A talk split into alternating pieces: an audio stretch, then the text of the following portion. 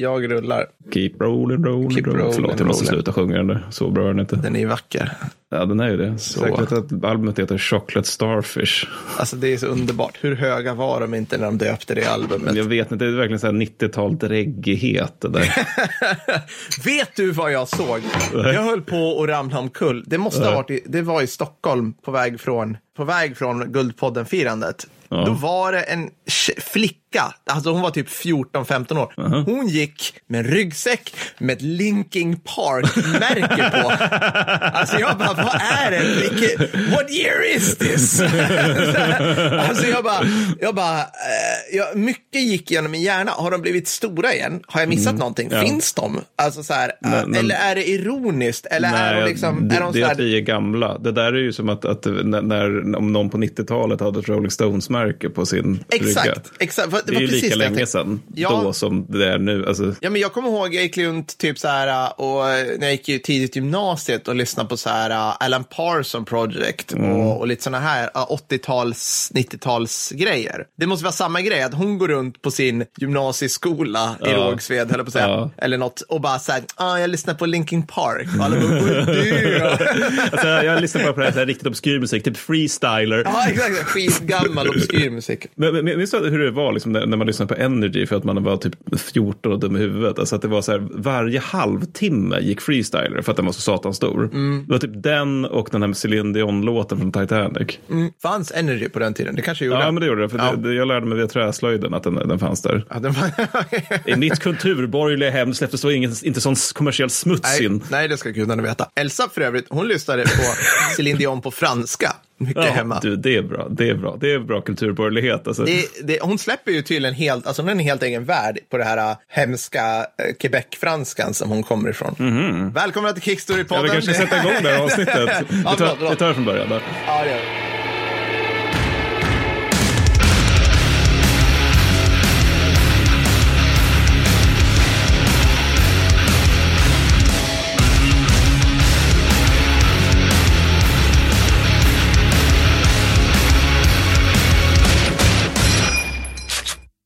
Underbara, fantastiska patrons och alla ni andra härliga lyssnare. Varmt välkomna till Kickstory-podden. Jag heter Per Wallin och Mattis Bergvall. Finns du här med mig i etern? Det gör jag, i Ja. varje fall i fysisk form. Eller i och för sig, det, vet, äh, fan, det blev, jag försökte vara lite klurig och rolig Ja. och det gick åt helt åt helvete en gång. Så att det, ja, okej. De hör dig och jag hör dig och Det är ser bra, dig. det är bra, Jag också det är om man kollar på vodden. Mm, det är fint. Jag håller på att ta mig ur någon sån här dagispest. Inf- jag vet inte vad det är. Jag är så trött. Så att det här kommer bli vad det blir. För Mm. Ja. mig i varje Ja. fall. Kanske flamsigare än vanligt. Garanterat mer ouppstyrt. Mycket mera ö för stackars Fredrik att klippa bort om han orkar. För de som inte ser podden ser Per faktiskt riktigt jävla sjuk ut. Alltså det här, ringar under ögonen, blek och urlakad och det här liksom att håret är rufsigt också. Det, det, Ja, det, ja, mer, mer än vanligt. Ja, ja, det- Faktiskt. I'm not wearing pants. Nej, det ska jag. Kör en kalanka. Ja, men det gör mig lite, lite betryckt att må så här, för det här är ett väldigt schysst avsnitt. Det här är nämligen det tredje avsnittet i en serie om fyra, där vi pratar afghan-sovjetiska kriget.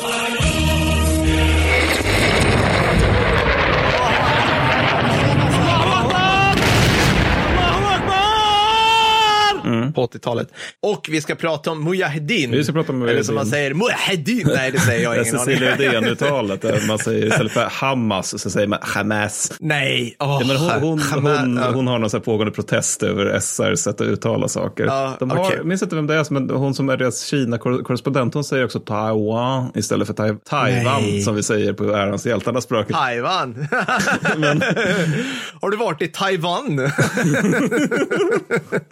Ja, Nej, men alltså, vi ska prata om Mujahedin och jag måste säga att det här är en stor besvikelse. ja, jag vet. Alltså, ja, sänk förväntningarna. Inte, bara på, alltså, inte på oss, Nej, de kan nej. vara fortsatt höga. Eller inte bara på oss, men även på Mujahedin som organisation. Ja, men det är ju just de där kaninöronen som är lite problemet Ja. med. Men det är just att, jag höll på att säga man har växt upp med, Mm. men man har så att säga militärhistoriskt växt upp med att Afghanistan, Graveyard of Empires och liksom man vet Sovjetunionens Vietnamkrig. Mm. Och då tänker jag, då har vi här då analogen till Vietcong. ja, eller till och med NVA. Så här. Ja, och här har vi då, alltså man då tänker att förra avsnittet där det var liksom analogen till amerikanska armén i Vietnam, då är sovjetiska armén, inte jättehäftig. Då, så hur illa ställt är det då inte med analogen till Vietkong? Jo, den är ganska jävla usel. Alltså, jag, jag hade tänkt mig att, alltså, det, mitt manus är ganska konstigt, för det börjar så här lite positivt, att ja, men det här, Ja. för jag, jag tänkte verkligen, men de måste ju, liksom, de, det måste väl vara bra, det har man ju alltid hört. Ja. Men, men sen så ju mer jag läste, ju mer jag skrev, blev jag bara mer bara, alltså det här, det, alltså, fy fan vad ryssarna dåliga på att Ja. slåss, de torskade mot det här. Men, men, men, och det där är också en grej, för att jag, jag, jag utgick från den bok som alla utgår ifrån, det vill säga den här The Other Side of the Mountain. Ja, The Beer. Nej, The Bear Went Over the Mountain är den sammanfattar när de går igenom sovjetisk taktik. Ah, det var okej, det jag förlåt. körde för Ja, förra, ja, förra mm. avsnittet. Och det är det, jag vill bara ha, säga så här, jag har utgått från exakt samma bok, för det finns typ en bok, alltså en riktig bok som är skriven om en Mm. Ja, styck ja. bok. Om och all, alla, Mujahedin. alla egentligen bara gör tolkningar av den. Ja, precis, precis. Men, men det som också är lite intressant med den det är att alltså, Mujahedin hade ju inte en så här asuppstyrd militärbyråkrati från vilken vi kan ta liksom, ja, men du vet, den här typen av arkivhandlingar som Nej. jag tycker är härliga när folk använder sig själva. Utan den är ju vad jag förstår till stor del eller nästan uteslutande baserad på intervjuer med äh, Mujahedin-hövdingar, eller Ja. chefer liksom. Ja. Och, ofta, och nästan allihopa är ju gjorda en bra bit efter kriget. Ja, jag har så här källäget, hashtag källäget är katastrofalt delar. En blandning av sant Ja, men det är just, På många det, ställen här kan jag säga.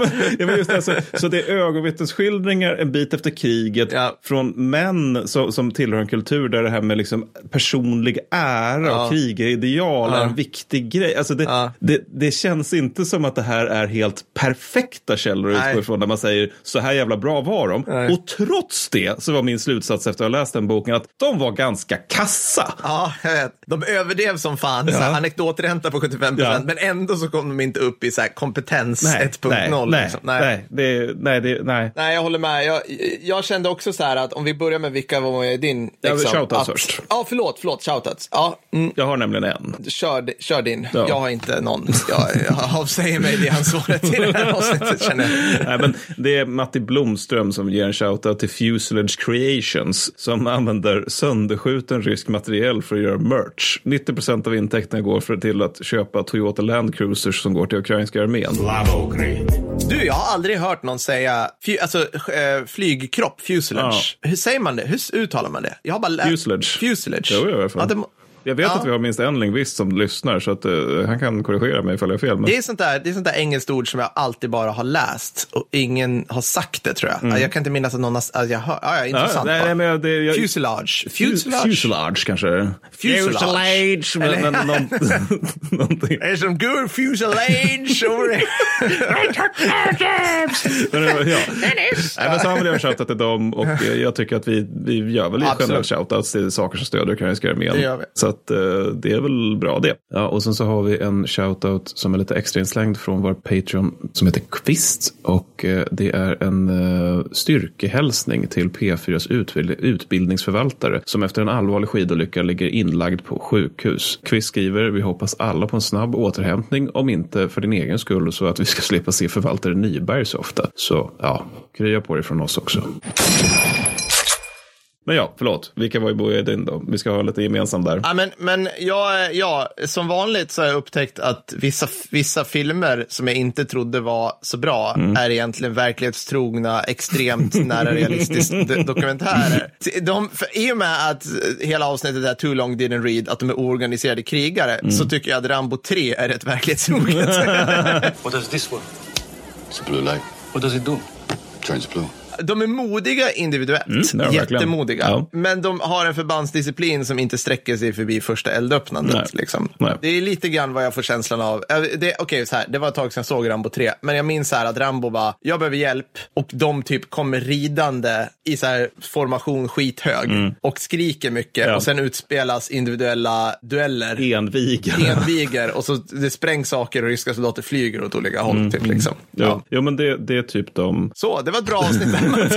Nej, men, men alltså, det är väl typ, alltså, de är ju, det, det, det uppenbara, de är ju afghaner. Ja, ja. Och i regel så ogillar de Sovjetunionen eller kommunismen. Ja. Ofta av religiösa skäl eftersom de ser liksom det här som en hednisk, ateistisk, ogudaktig eh, ideologi. Men bara aningen mer än vad de ogillar varandra. Mm, det är också en aspekt av det hela. Men, men det är rätt roligt också för att i början när ryssarna kommer, då, är de, de, de, de är liksom, då kommer de i väldigt stora grupper, alltså väldigt Ja. stora svärmar, eller väldigt, men alltså för att vara en, en i organiserad styrka så är de liksom stora mobbar. Ja, så. ja. Och de är ju väldigt osmidiga också, men ju, ju mer kriget går, desto mindre och smidigare blir de här grupperna. Ja. I början så är det ju liksom byäldstar och andra så här viktiga män i byn som anför motståndet mot Ja. ryssarna. Då. Men sen börjar Iran och Pakistan börja utbilda Mujahedin och väst ger vapen till Mujahedin som går via Pakistan. Får jag fråga dig, Ja. utbildar Iran i Iran? Eller går, och sen går de liksom över bergen från det hållet Ja, det, också? är det, men alltså, det, det är ju nära och bra. Så, liksom. Jag vet att det skedde i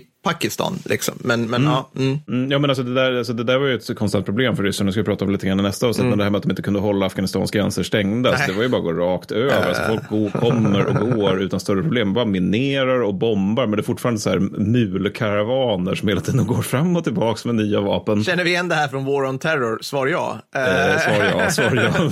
ja. Men också att det här ISI, så pakistanska underrättelsetjänsten, som, som vanligt Ja. eh, hittar, de identifierar de absolut mest radikala grupperna och bestämmer sig för att de ska Ja. vi stödja, precis som under GVOT. Ja. Men men det här utbildningen och stödet leder till att de grupper som får liksom det, de blir politiskt starka, Ja. naturligtvis. Och byhälstarna slutar nu vara en faktor, egentligen. Och, de, eh, och det som kristalliseras efter ett antal år Mm. av inre maktkamper, det är ju de som kallas för Peshawar 7. Mm. Alltså Peshawar är en stad i Pakistan. Och, som, och då blir det sju liksom, organisationer i de lösaste tänkbara bemärkelserna som hänger i, de har sitt högkvarter i Pakistan Mm. och de får, de får stålar och guns av ett gäng länder, inklusive USA. Det här är ju liksom, ja, alltså, om jag fattar rätt så valde Islamabad, alltså Pakistans regering, ut fyra av dessa faktioner. Mm. Så att av Peshawar 7, som redan var de starkaste, så blev det fyra stycken som fick maktfaktorer. Och jag antar att det är för att Pakistan och USA och alla andra bara, men vi kan inte vara så, vi kan inte stödja sju stycken. Alltså,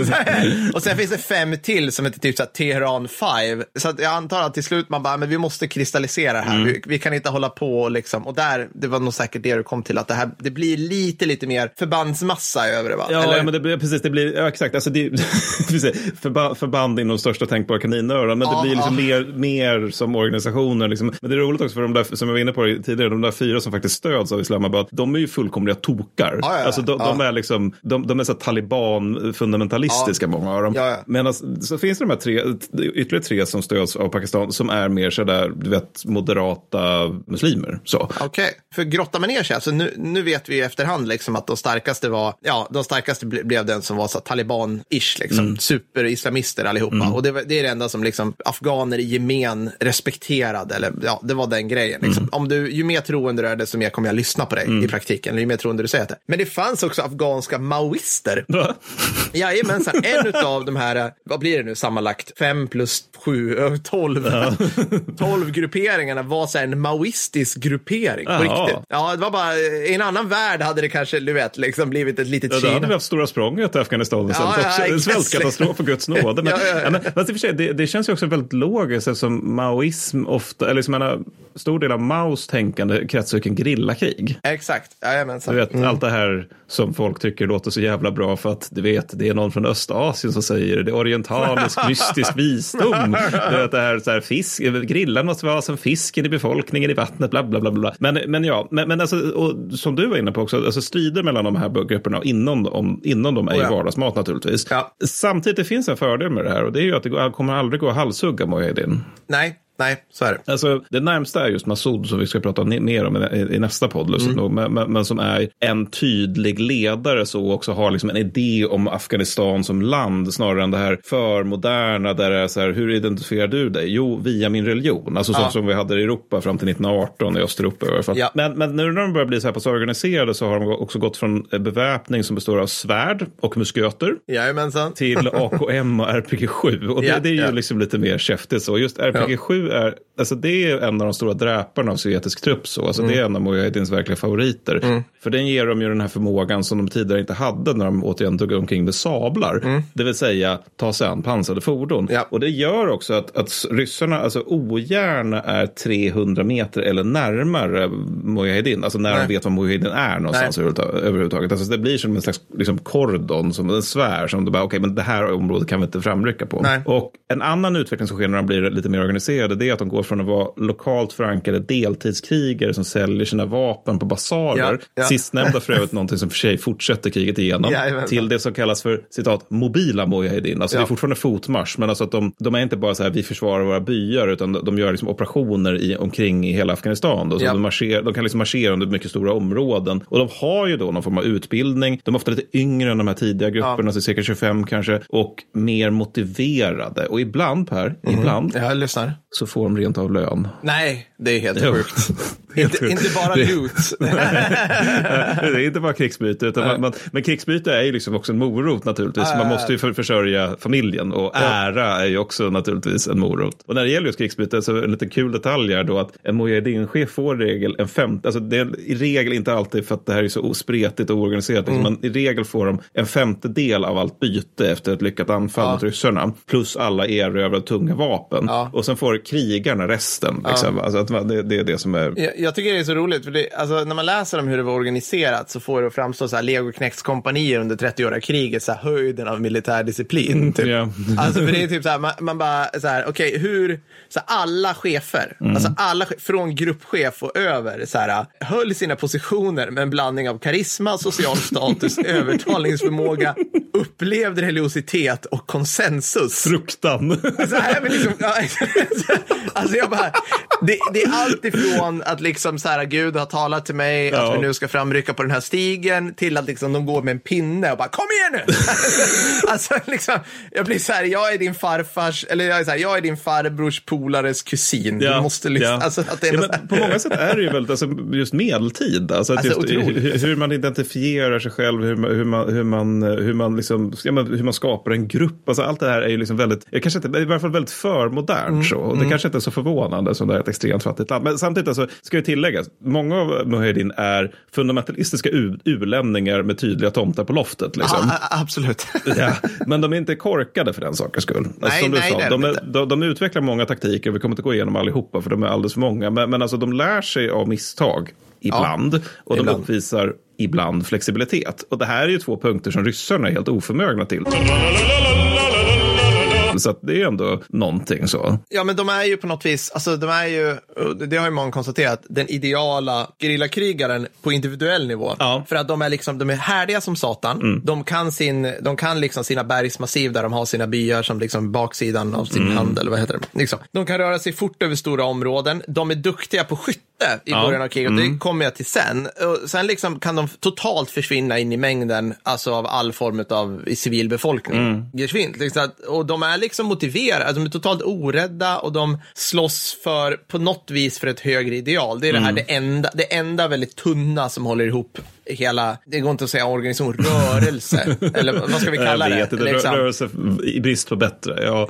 Inom, inom kaninöron, som vi kallar för Mujahedin idag, är ju då religionen. Alltså, Mm. Ja. så här, så att, och det är också väldigt medeltida. Så här, Det- vad har vi det det. gemensamt? Så här, jag är katolik. vi har talat samma språk, men det enda, det enda vi kan koppla ihop kristendomen med under, Ja. liksom, under medeltiden är att vi, vi på något vis kristna. Liksom. Ja, ja. Jo, men exakt. Och de, men en annan sak är också att de har ju... Ja, och här påminner det om vietnameserna. Eller ja, nej, förresten, det är inte alls det. För att det är en för, ful fördom mot vietnameserna. Men de har, de har en tradition, snarare tjetjenerna, de har en tradition av gerillakrig.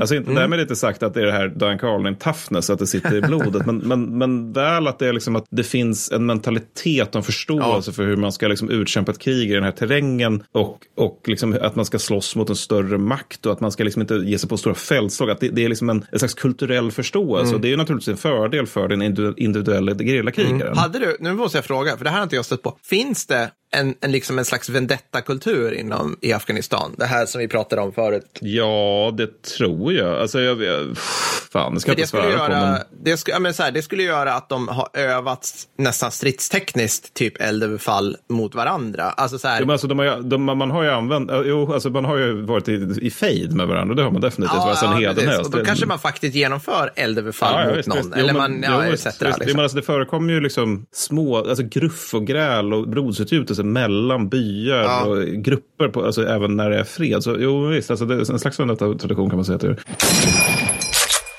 Men ska jag köra lite eldöverfall då? Ja, gör det. Mm. För det är typ det vanligaste förfarandet, vilket är ganska lätt att förstå. Alltså det är också, för att alltså, det, är, det, det, det är också ett ganska klassiskt, alltså, som vi var inne på, det är ett ganska klassiskt afghanskt förfarande och det funkar med andra ord ganska bra i afghansk terräng, eller man vet hur man ska ut, utföra afghansk terräng, för att den lämpar sig ganska väl för att skapa eldöverfall. Och det som är intressantast med det egentligen är att det här är farligt för ryssarna på strategisk nivå. Ja, ja. Det, det, och det tycker jag det är en grej som faktiskt är imponerande Ja. med Mujahedin. Det, det, det, vi kommer gnälla rätt mycket på det, men, men, men det här det tycker jag ändå är rätt coolt. För i de flesta fall så brukar man tänka sig ett eldöverfall som någonting som är farligt på typ stridsteknisk nivå, max taktisk och förmodligen inte det. Men, men, alltså, men det här är farligt på just alltså, strategisk nivå. Och det är för att man genomför det mot den sovjetiska logistiken Ja. till väldigt stor del. Ja. Inte uteslutande, men till väldigt stor del. Som är LOL i det här kriget också, ska vi bara säga. det Alltså, det, här kan vi lägga in vodka. Vodka. säga. jo, nej, men, nej, men alltså, det, och det här riskerar ju naturligtvis att strypa alltså, tillförseln av förråd till ryssarna i Afghanistan. Och vad händer då med ryssarna i Afghanistan? Jo, de svälter ihjäl och dör av könssjukdomar. Så ergo måste majoriteten av de sovjetiska styrkorna syssla med säkerhetsuppgifter. Ergo mycket färre som kan föra Ja. striden mot fienden. Ja, ja, precis. Och, och, eftersom, eh, och, eftersom logistiken ändå inte hela tiden blir överfallen och framförallt inte längs en hel väg utan det är ju liksom vissa vägpartier Mm, framförallt. Och det är inte så att det är liksom så här, ja, men det, det är inte som den där reträtten som jänkarna har i Korea under Koreakriget där, du vet, när de har, har ett här, fyra kilometer långt eldöverfall från nej. Nordkina. Det är inte så, utan det är bara små, små vägpartier som blir angripna. Så innebär det liksom att Mujahedin kan göra rätt mycket med rätt små styrkor. Ja. Och det, det, det, är, det är smart så. Och förfarandet är ju gran- i grund och botten att Mujahedin väljer någon härligt fördelaktig plats. Så. Mm. Gärna att man ska ha lite utsikt över en väg. Sen kamouflerar man sig, upprättar fältarbeten. Det här känner alla som är Mm. lumpen igen. Eller snarare maskerar sig. Sen noterar också under krigets gång Mujahedin att eh, sovjetiska chefer tenderar att åka ganska långt fram med konvojer. Ja, ja. Och så noterar också att deras pansrade fordon är täckta med radioantenner. Ja. Ja, vad gör vi då för? Mm. kan det vara ett bra mål här liksom? Det kan vara ett alldeles utmärkt ja. ja, Så man tenderar att notera, här, nu, nu kommer man använda ord som ofta och tenderar, för att det är väldigt svårt att säga generaliseringar som täcker allt i det här kriget. Men, men man tenderar att koncentrera eld mot just de fordonen, Mm. varför chefen ofta är först att dö i de här ryska kolonnerna. Och det här är ett problem, inte minst eftersom sovjetiskt samband också består av radio och eftersom det är massa antenner på det här så försvann Mm. liksom både samband och chef, vilket är ett problem så här, en minut in i en fight. Mm. Sen så ger man sig på, i regel på konvojens soft skins då. Jag ska bara säga så här, sen är ju då, du ger dig på chefen i en toppstyrd, Mm. auktoritär organisation som inte gillar initiativ, Mm. vilket betyder att allting blir behandlingsförlamat. Ja, det är ju den lilla Ingen bara, tråkigheten. jag tar befälet, utan det var så här, nej, nej, chefen är död, nej, men vi kan inte göra, tänk om vi gör fel. Tänk om vi gör fel, då kommer vi få ännu mer stryk. Vi får ju stryk till och med när vi gör får redan rätt. massa stryk. Ja, men precis. Det är bäst men- vi bara sitter still här i våra pansrade fordon och tar skiten. Exakt, ja, men, ja, men exakt. Och det är ju också smart med andra ord av Mujahedin. Ja, även om ja. jag inte är helt säker på att de vet de här fina detaljerna av rysk så kallad militär utbildning.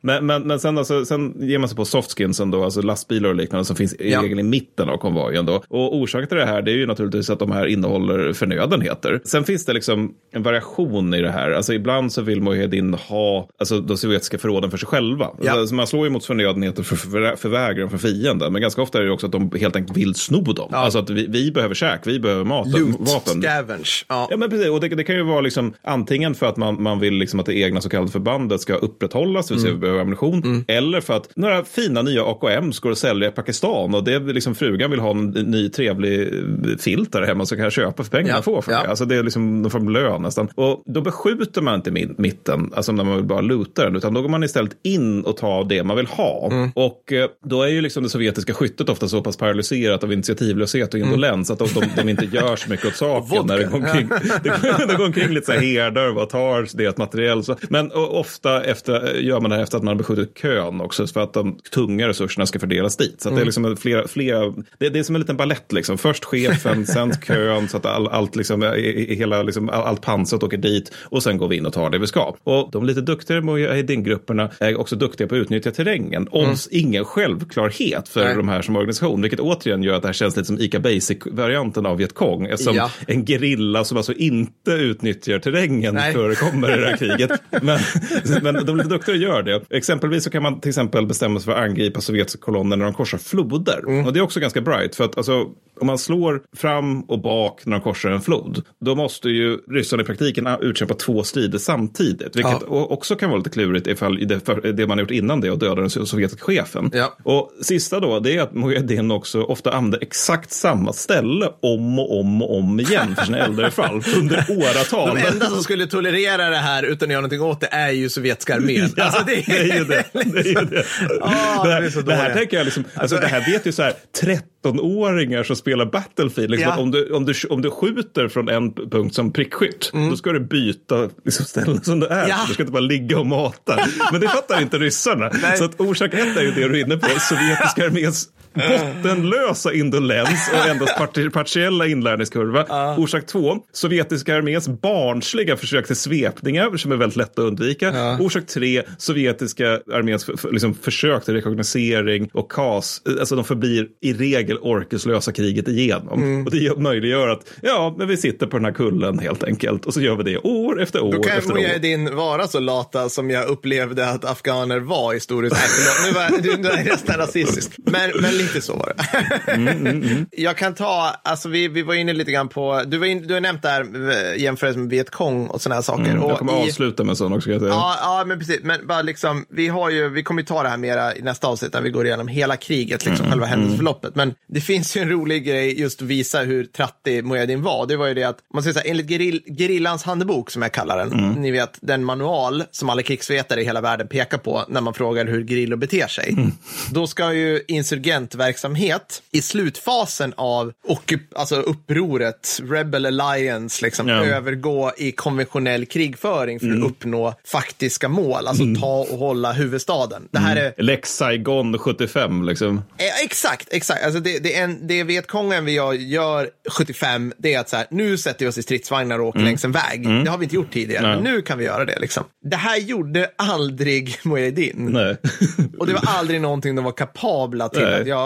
Jag vill, bara, jag vill bara lägga den där så Nej, att ni liksom de, förstår. de bytte ju där övergå till konventionell krigföring mot övergå till totalt inbördeskrig mellan Exakt. varandra istället. Så här, alla beskjuter Kabul när Ja. ryssarna har gått sin väg. Ja. Men kan inte, kan inte enas, göra Nej. någonting med det här landet, tänk på den stackars civilbefolkningen. Nej, vi fortsätter bara, vi fortsätter bara på liksom inslagets spår med, med så här trattiga eldbefall bara mot varandra. Men fatta liksom hur det Ja. är att vara afghansk civilist under den här tiden och för den delen senare tiden. Just det här liksom att du har det här med att ja, men ryssarna kommer så bra, våra befriare, Mujahedin kommer. Jaha, det var de här som bara kommer upprätthålla det här tillståndet av totalt krig Ja. tills liksom talibanerna kommer och många bara, de framstår som ett bättre alternativ för att det åtminstone är stabilt. Ja, ja, ja, ja, okej, exakt. check. Det, det är helt sjukt det där. Alltså, ja, arma afghaner. Men ja, du ska prata lite Lee Enfield, vilket kanske låter konstigt. Ett krig som utkämpas på 80-talet. Ja, men- det här, ja, men det här är väldigt fint. Det här är egentligen där min anglofili, som jag ändå har, jag, Ja, ja, jag undertrycker den mycket för din skull Tack, Mattis tack. och sådär är såklart. Men, men den finns ju ändå där för att, för att vi är ju alla dränkta i den på något vis. We are the chosen few. För först tänkte jag så här, när jag läste om det, alltså, äh, det här kriget kommer inte kittla min estetiska sida, Mattis. Som, ja, men det, det, finns ju, det finns ju andra grejer som gör det, till exempel Mm. underbara modet under Balkankriget, mustaschen under Falklandskriget, 80-talslooken på Grenada och Panama. Den är fantastisk. Ja, den är, den är underbar. Eh, Eller liksom Born to Die, hjälmkonst från Vietnam. Liksom. Det är väldigt många som är väldigt svaga för den där, jag är det inte, men de, de fan heter de, alltså Ce- Cello Scouts i, i Rhodesia, du vet de här som har Ja, går runt i kort, kort, eh, eller liksom... Ta, ja, Ja, men alltså, det är typ ja. kalsonger som är kamouflagemönstrade. Det är kalsonger och sen är det liksom stridsbälte 304 och sen en fal. Och sen en liten, så här, eh, en liten keps typ. Ja. Så är det. buskig mustasch. Ja, buskig mustasch. Ja. Nej, jag är inte heller så, sugen, så taggad på den. Men sen började jag kolla närmare på bilder på ryssarna. Mm. Och då har vi, det här kan ni googla, KGB undercover i Kabul. Alltså det är så 80-tal, alltså det är så underbart. Det är, så, det är Miami Vice Middle East edition. Får jag höra alltså, Miami fantastiskt. Vice-jingeln?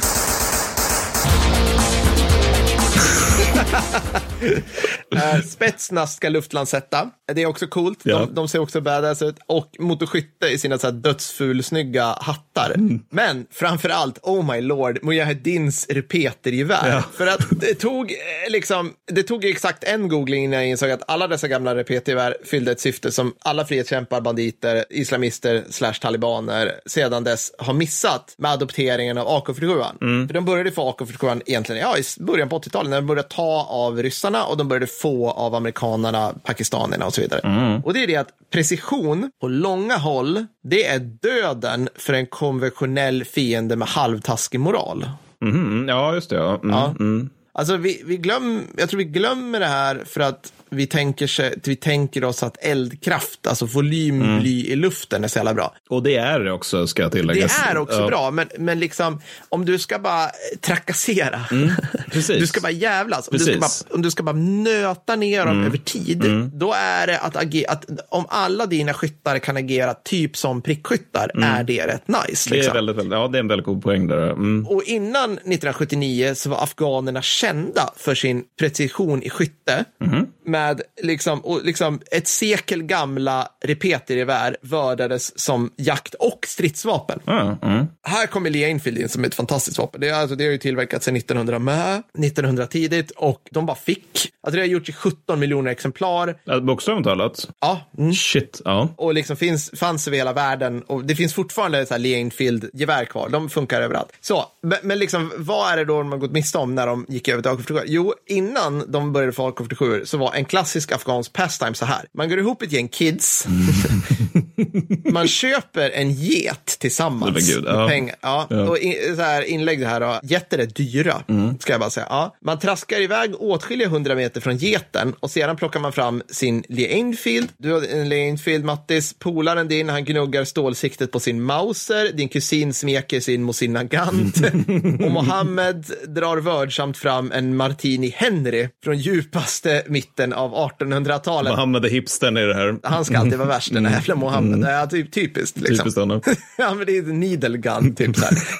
Man drar sedan lott Ja. om vem som får börja skjuta och den som fäller geten får den. Men, men så det här är liksom, du sa att en get är dyr. Ja, en get är dyr. Det ja. här är liksom så motsvarigheten till Brats på Stureplan under tidigt 00-tal vaskade champagne. Alltså men man typ vaskar så. en get i praktiken. Du vaskar en get, men du får också massa kött. Ja, det förstås. Ja. Ja. Mm. Alltså så här, men, men ja, det är det. Men det, det här gör ju liksom att du kan, om du är den som träffar getjäveln, då kan du komma hem med den och sen har ni kött i en Ja, ja. månad Mm, eller ja, något sånt där. Så det är rätt. Alltså det, ja, mm. det här gör ju att one shot, one kill el verkligen trummas in i befolkningen, för, Mm. ja, män då, från en tidig ålder. Liksom. Det här är liksom, det skulle jag vilja påstå liksom att hade de upprätthållit den här nivån av precisionsskjutning, Mm. då hade ju liksom de kunnat ge sig på ryssarna på ännu längre håll. Okej, fine, det här är inte världens bästa sätt att typ så här, slå ut pansrade fordon Nej. och skjuta på dem med repetergevär.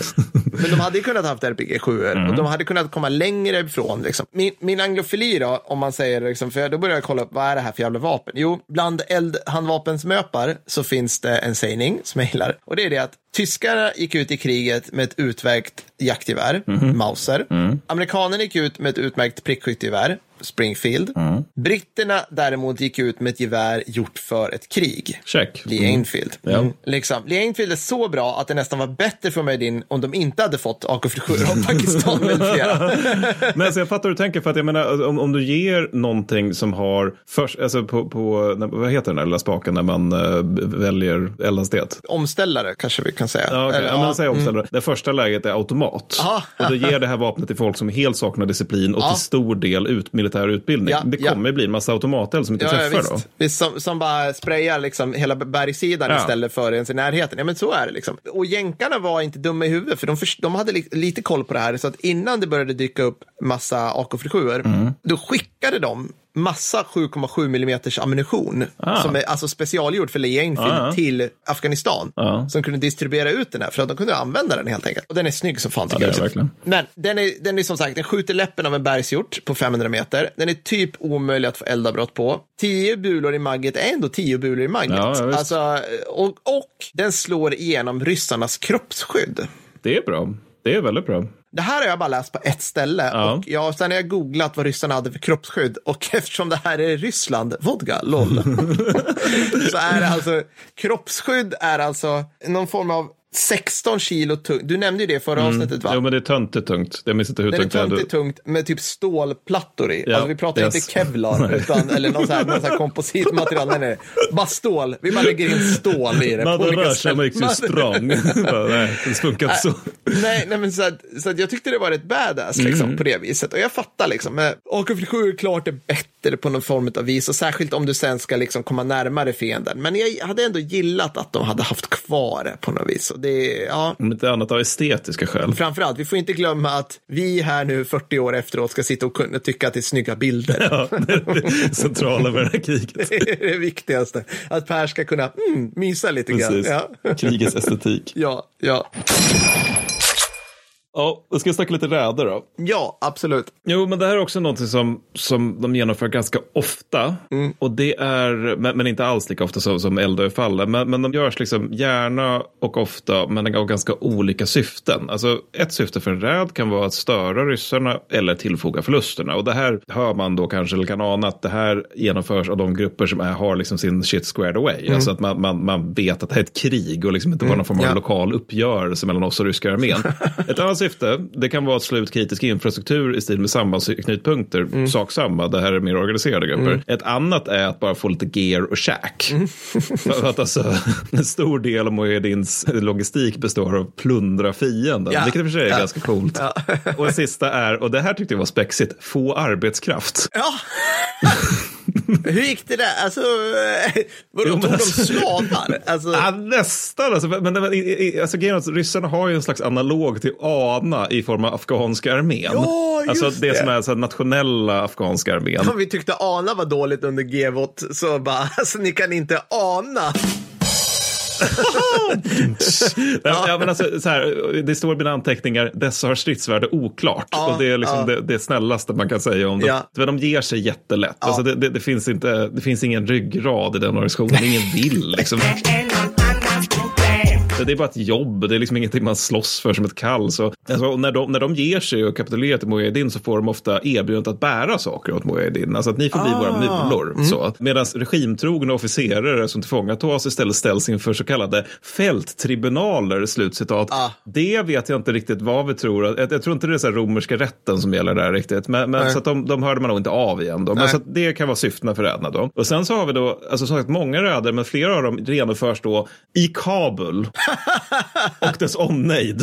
En stad stor som Stockholm. Eh, Ja, men alltså, det, det, det, det, här liksom, det, det här är också det är lite coolt, men det är också så här, det säger någonting om hur, taffligt det här kriget är. Liksom, så här, franska motståndsrörelser genomför räder mot Berlin under Ja, andra världskriget. ja, Det tror jag inte hände så ofta. Eftersom det liksom, ja, nej, men alltså, orsaken till att det här överhuvudtaget går, det är ju liksom att lokala civila hjälper Mujahedin att infiltrera helt Ja. enkelt. Orsak två, sker ofta på natten och ryssarna vill inte vara i natten. De tycker att det finns andra saker att göra på natten, till exempel gå till en lokal bar. Vodka. Alltså, Ja. de, de, de gillar inte natten. Nej, med, medans, medans Mujahedin är som japaner under VK2. De gillar nattstrider. Ja, det gör de verkligen. Det är lite sjuk grej. Jag, jag har inte sett, det har också bara varit dykt upp och det är aldrig förklarat. Men jag antar att det är bara så här, man, man har vant sig vid det för att det är lättare då att stjäla den här förbannade grannklanens får eller något på, den, på natten eller något. Ja, men också alltså att det, det är svårare för ryssarna att, att an, verka mot dem då. Alltså Ja, för, ja, för att, ja. att ryssarna ogillar natten utöver vodka, det, det är ju liksom att de, de också, alltså att de har ganska dålig tillgång till bildförstärkare och liknande. Ja. Alltså det, de, de har det, men det är liksom inte utspritt på hela armén så Nej. som, som det var när jag gjorde lumpen till exempel. Det var inte det när du gjorde lumpen, vill jag bara Ja, jag hade säga. det i varje fall. Det- du men- hade men- det, men det var inte... Ja, skitsamma. Ja, vi hade G1, världens bästa migränframkallare. Men oavsett så, så är det ju då att det där förklarar varför ryssarna inte vill gå ut på natten. Men samtidigt Mujahedin har ju inte just bildförstärkare heller. Nej. Utan, så att de, men, de, men de gillar att härja runt i natten i alla fall. Och orsak tre varför det går att infiltrera Kabul under brinnande krig, det är att naturligtvis ingen bryr sig.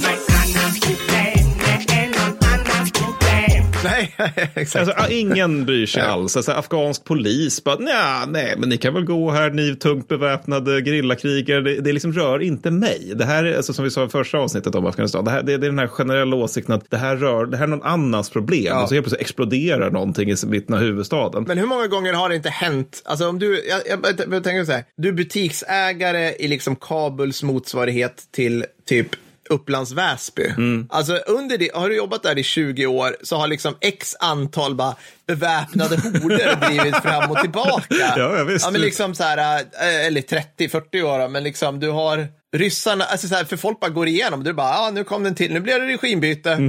liksom, Norra alliansen stövlar in, kastar ut talibanerna.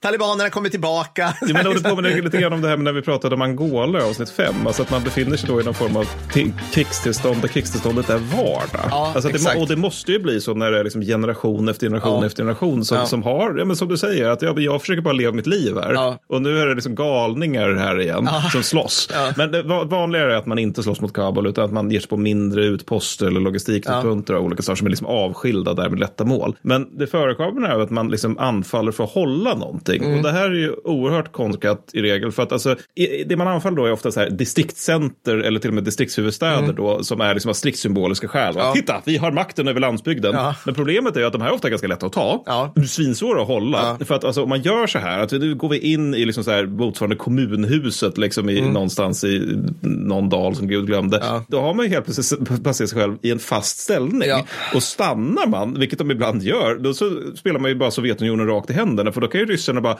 oj, vi har all den här eldkraften som vi har svårt att faktiskt få komma loss med. Ja. Tack, tack Mujahedin. Vilken present, nu kan vi äntligen släppa lös den på er. Men omvänt förekommer också att, man, att en räd muterar till en belägring. Mm. Vilket också, alltså det, det är inte så vanligt det heller. Men, men, och, och det är också i regel då mot den här trattiga afghanska armén snarare än ryssarna då. Mm. Och i regel också någonting som, alltså det går ganska dåligt. Alltså liksom Mujahedin är inte bra på att belägra saker. Det är Nej. liksom inte det som den här typen av lätt, ganska odisciplinerad styrka gör. Men den afghanska armén och ryssarna är urusla på att försvara sig. Ja, så det är liksom- Varefter det finns lite Kessan-grejer där man bara kan försörja Ja, ja. trupper på någon bergstopp med helikopter, för det går inte att Ja, köra dit. Nej, men det är helt Alltså, omöjligt. Och varför har vi trupper på den här bergstoppen? Ja, men för felsläppning och... Ja, ja, ja, men, men alltså det, det här killarkriget är på något sätt minus minus blir plus nästan. Men alltså, och det, här, det, här, det går ofta lite bättre ifall de som belägrar är lokala Mujahedin. För de, de kan ju liksom, de kan ju då få käk av, av civilbefolkningen. Alltså att vi står här i ring kring den här ona- ANA-analogen och så kommer liksom kvinnorna varje dag med liksom lite lunch och sådär. Men även när de är lokala så kan det, går det ofta kast i alla fall på grund av att liksom,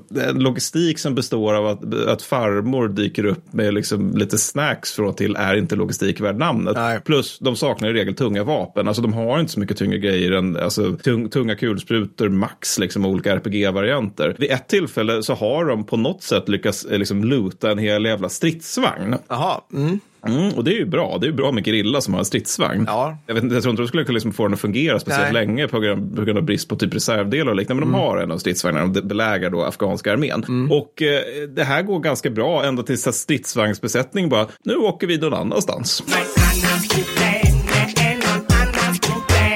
Vadå, stridsvagnsbesättningen satt i stridsvagnen? Ja, de var i stridsvagnen och tyckte att vi inte var här längre. Nu åker vi vår väg. Så det var, de erövrade inte stridsvagnar, utan det, Ja, det, men de, har, de, de dyker Jag upp till inte. det här ANA-analogen ställningar med en stridsvagn och x antal Mujahedin-krigare. Ja. Och det går bra så länge de har stridsvagnen. Ända till stridsvagnsbesättningen tycker att nu, nu åker vi vår väg. Ja, ja, ja, ja, nu förstår jag. Ja, men Ja, exakt. Och det, men ja. Vi vill inte vara med längre. Vi, vi tänker inte delta i det här. Det angår väl någon annan. Och då Ja, var på ja. hela belägringen kollapsar naturligtvis. Ja, nej men det här är ju, det här är symptomatiskt. Det Mhm. här tog vi upp i förra avsnittet, men det här är otroligt roligt. Afghaner, alltså, är det, afghaner är ju oförmögna att göra tråkiga saker.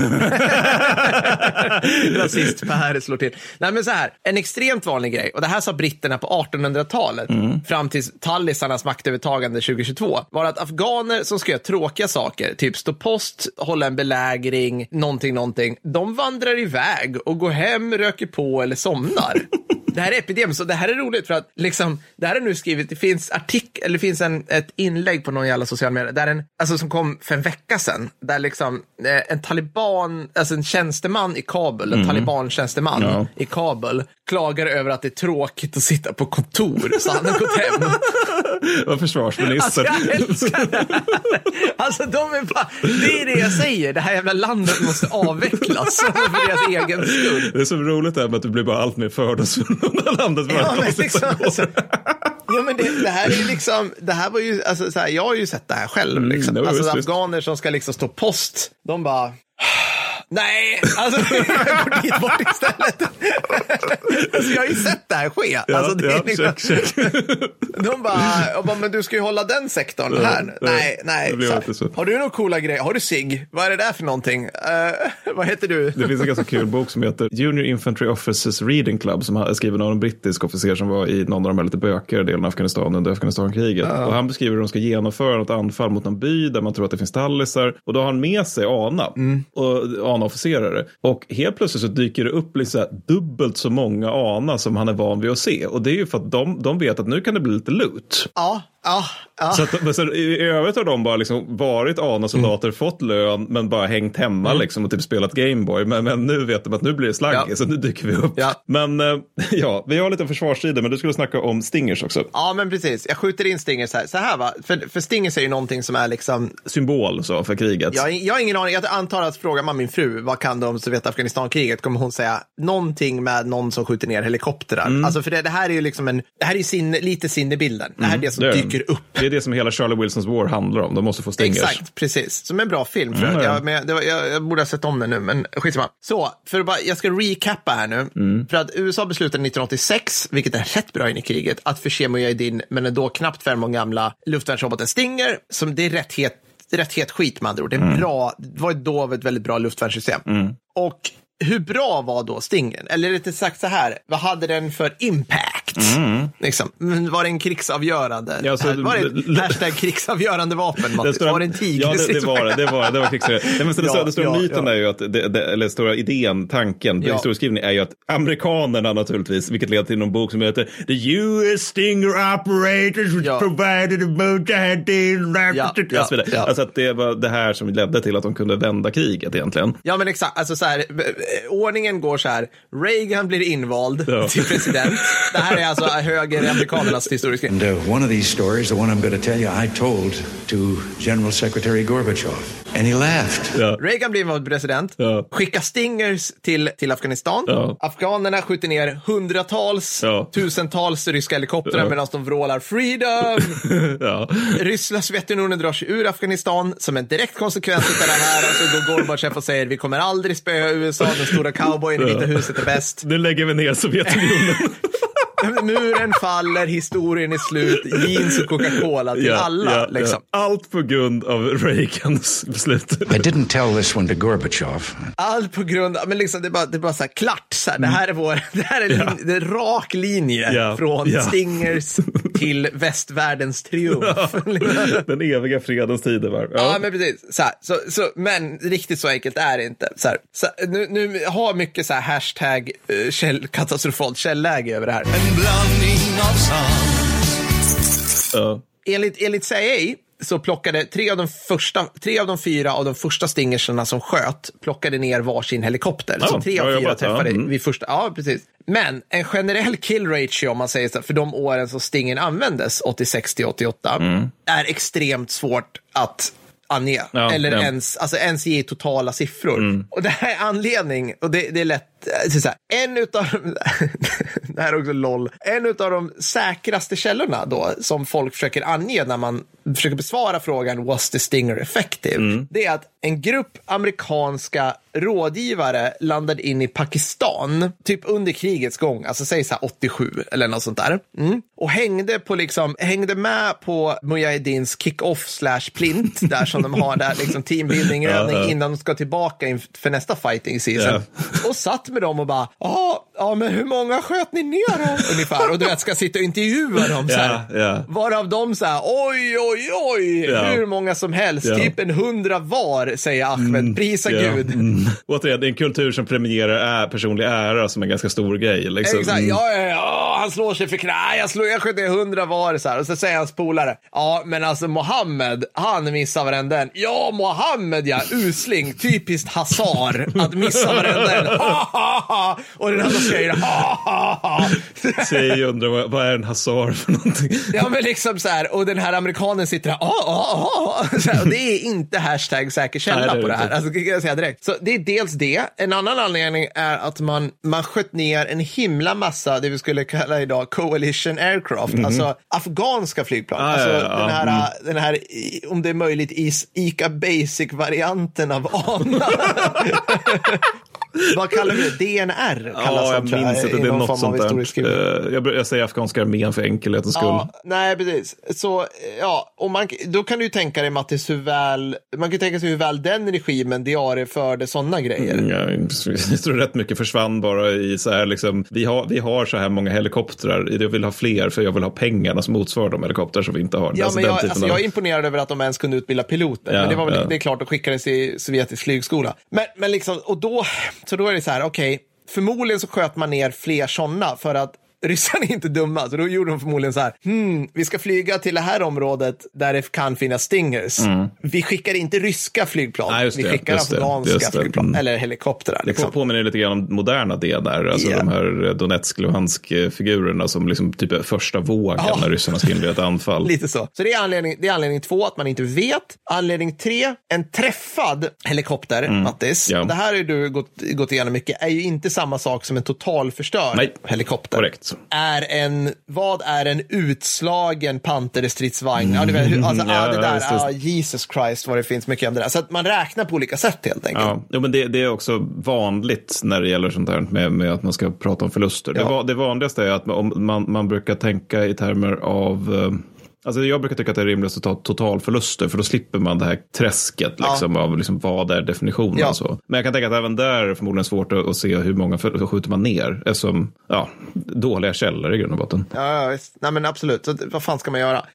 Anledning fyra. Mm, ja, ja. en, annan, en annan primär källa då som folk som tycker att, alltså, och det här är från båda sidor, så ska jag säga. Så, att, så att det här är den som säger att det inte var så många nedskjutna, att Stinger inte var så bra. Källan där, det är att man pratat med ryska källor långt efter kriget, Ja, ja. läs alkoholiserade generaler på 90-talet. Ja, som har, som har liksom ett, ett rykte att försvara. Ja, och de har inga vettiga siffror. Nej. De, de kan inte säga, ja, nej, men här står det, hmm, och det är lögn. Man vet att de siffrorna Mm. är lögn. Utan man säger, de säger, sitter bara där, nej, amerikanski is lying. Typ Ja, ja, check, check. Vodka. Alltså, så, här, så det är bara, alltså, man, man vet inte helt enkelt. Nej. För det är så oerhört, liksom, Ja, men alltså, någon, någon effekt måste det ju ha haft. Men, Oh ja, men kanske absolut. inte liksom det här liksom, vi avslutar kalla kriget på grund av Stinger-effekten. Eh, nej, alltså de var aldrig så pass många. Nej. Det var aldrig så att, vad ska man säga, det var aldrig så att Mujahedin kunde nyttja dem med 100% effektivitet. Alltså de var inte på rätt plats eller du vet, det fanns liksom, det finns ju tusentals anledningar helt enkelt. Det är jävligt bergigt land. Mm. Ja. Flyger helikoptrarna i, en dal och du är i den andra så kan du inte skjuta ner dem Nej. för de flyger så pass lågt.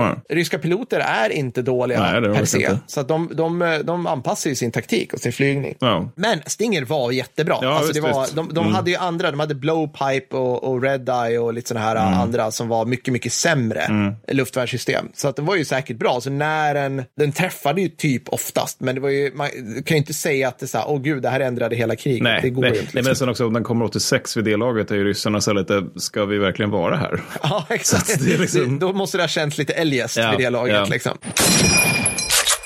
Jag ska snacka lite försvarsstrider nu och någon form av slutsatser. Men, Ja. men, men alltså, när det gäller försvarsstrid kan väl konstateras det som vi har liksom låtit antyda så här långt, att Mujahedin är inte särskilt effektiva i dessa. Alltså, det bästa är om de reper- eh, retirerar ifall de måste försvara sig. Blir det strid så blir de ofta mos, ifall det är liksom så här, ryssen kommer, de kommer med stora förband. De saknar nämligen både samband och professionell officerskår, Ja. vilket är detsamma som att det är ett fullkomligt kaos när de Ja, överraskas ja, av ryssarna.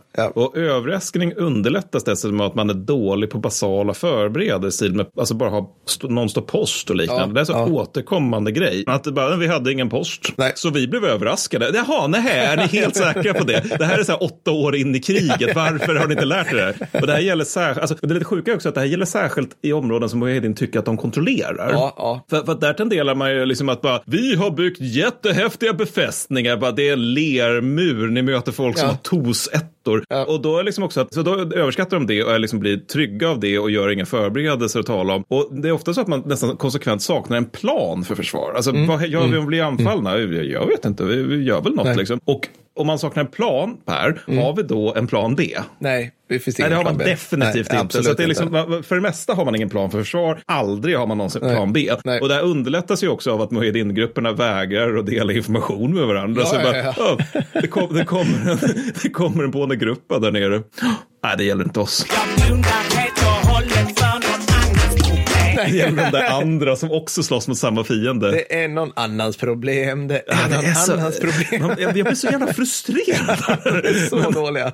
Ja, nej, men, så, men, men man kan ju också notera att alltså det här med bristande rekognosering Mm. och liknande, att man inte kan ställa ut poster, det är ju liksom sånt som vi skrattade åt ryssarna i förra avsnittet. Ja, ja. Att de inte, alltså det är liksom här samma svagheter. Det är, o, det är ovanligt många beröringspunkter här. Ja, faktiskt. visst är det det, visst är det. Alltså, ja, men alltså, det är nästan överraskande att ryssarna inte för, kör räder hela tiden med tanke på hur effektivt det faktiskt var. Ja. Men de är ofta lite bättre med angrepp mot luft, alltså försvara sig mot luftlandsättningar. För Mm. det är liksom att de, de har ofta bra underrättelser medan ryssarna inte har det när det gäller just luftlandsättningar. alltså de vet om när det ska komma. Ja, men alltså, du eller- ser ju helikopterjäveln Ja, ja, komma. ja. Ja, alltså, ja. Du kan ha lite herdar som står och viftar med röda flaggor att nu kommer en helikopter. Medan ryssarna där är mer så här, ja, var ska vi sätta ner dem? Nej, men det där berget ser trevligt ut. Liksom. Mm. Och de, de, liksom också, de kan ju göra det här som du beskrev i avsnitt 102, att de kan ju liksom rikta mycket eld mot en helikopter som står och hovrar Mm. liksom, och försöker släppa ner trupp. De lär sig också minera sannolika LCs, vilket måste vara en inåt helvete jobbig upplevelse. Mm. Att vi fastropar ner här i ett minfält. Ja.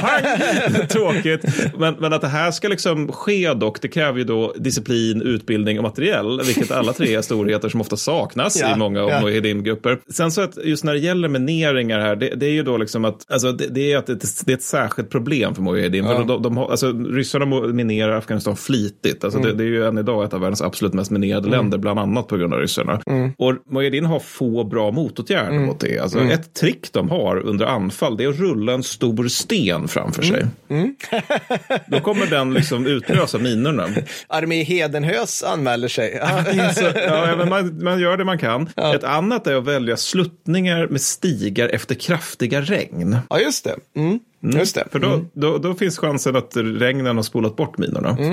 Det här är ganska basic. Det är ganska basic grej. Det är visst, alltså, vad ska de göra? De har ju liksom ingen så här EOD Mujahedin som kan Nej. gå ut och göra någonting. Men det är fortfarande det är så oerhört. Ja, men bara sista punkt där. För nu, jag kommer nu till punkten begränsningar som känns egentligen att den här podden borde nästan heta Mujahedins begränsningar.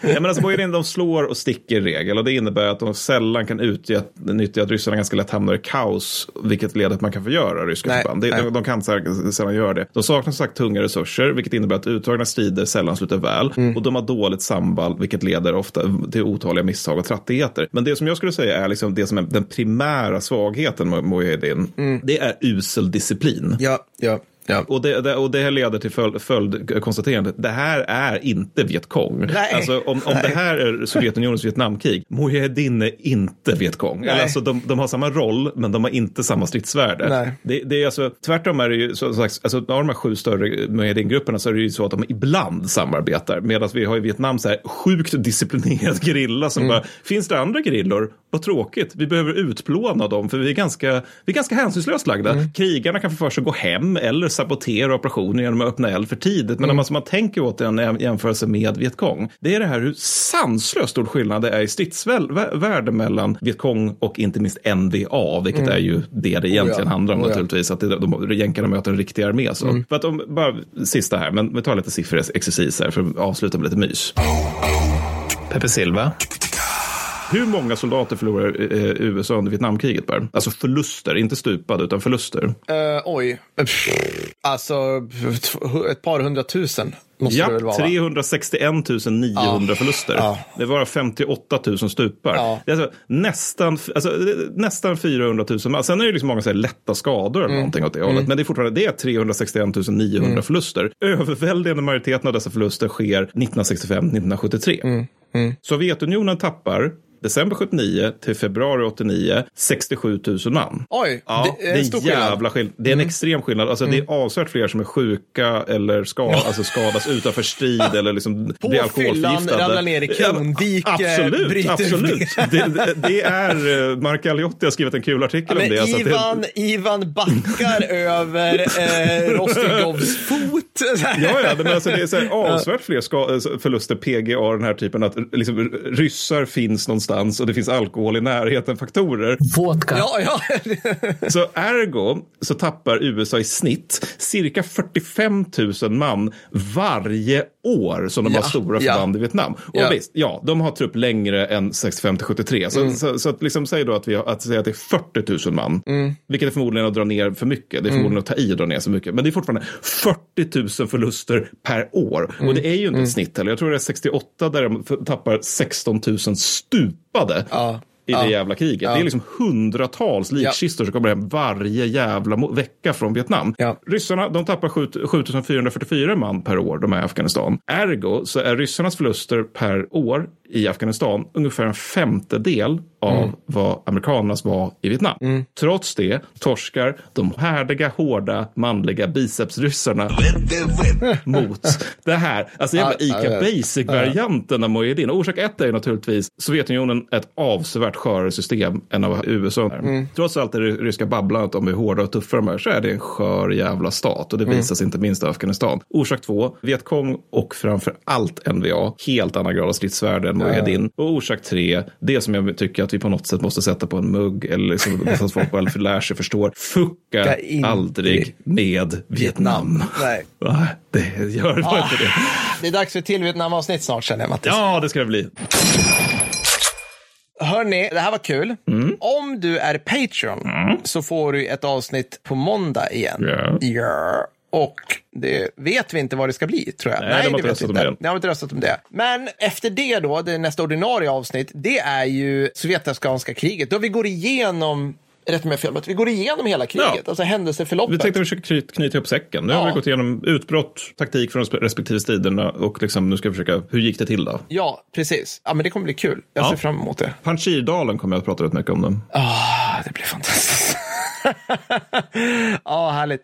Hörni, tack för att ni har lyssnat. Stort tack. för att ni är arbetsgivare, ni som är det. Om du inte är det, blir det på kickstoriepodden.com slash Patreon eller patreon.com slash kickstorypodden. Ja, det är Ah, ni korrekt. löser det där. Det, Det blir bra. Använd google.se eller kom. ja. Ha det så bra, hörni. Ha det Så bra. ses vi snart. Hej då.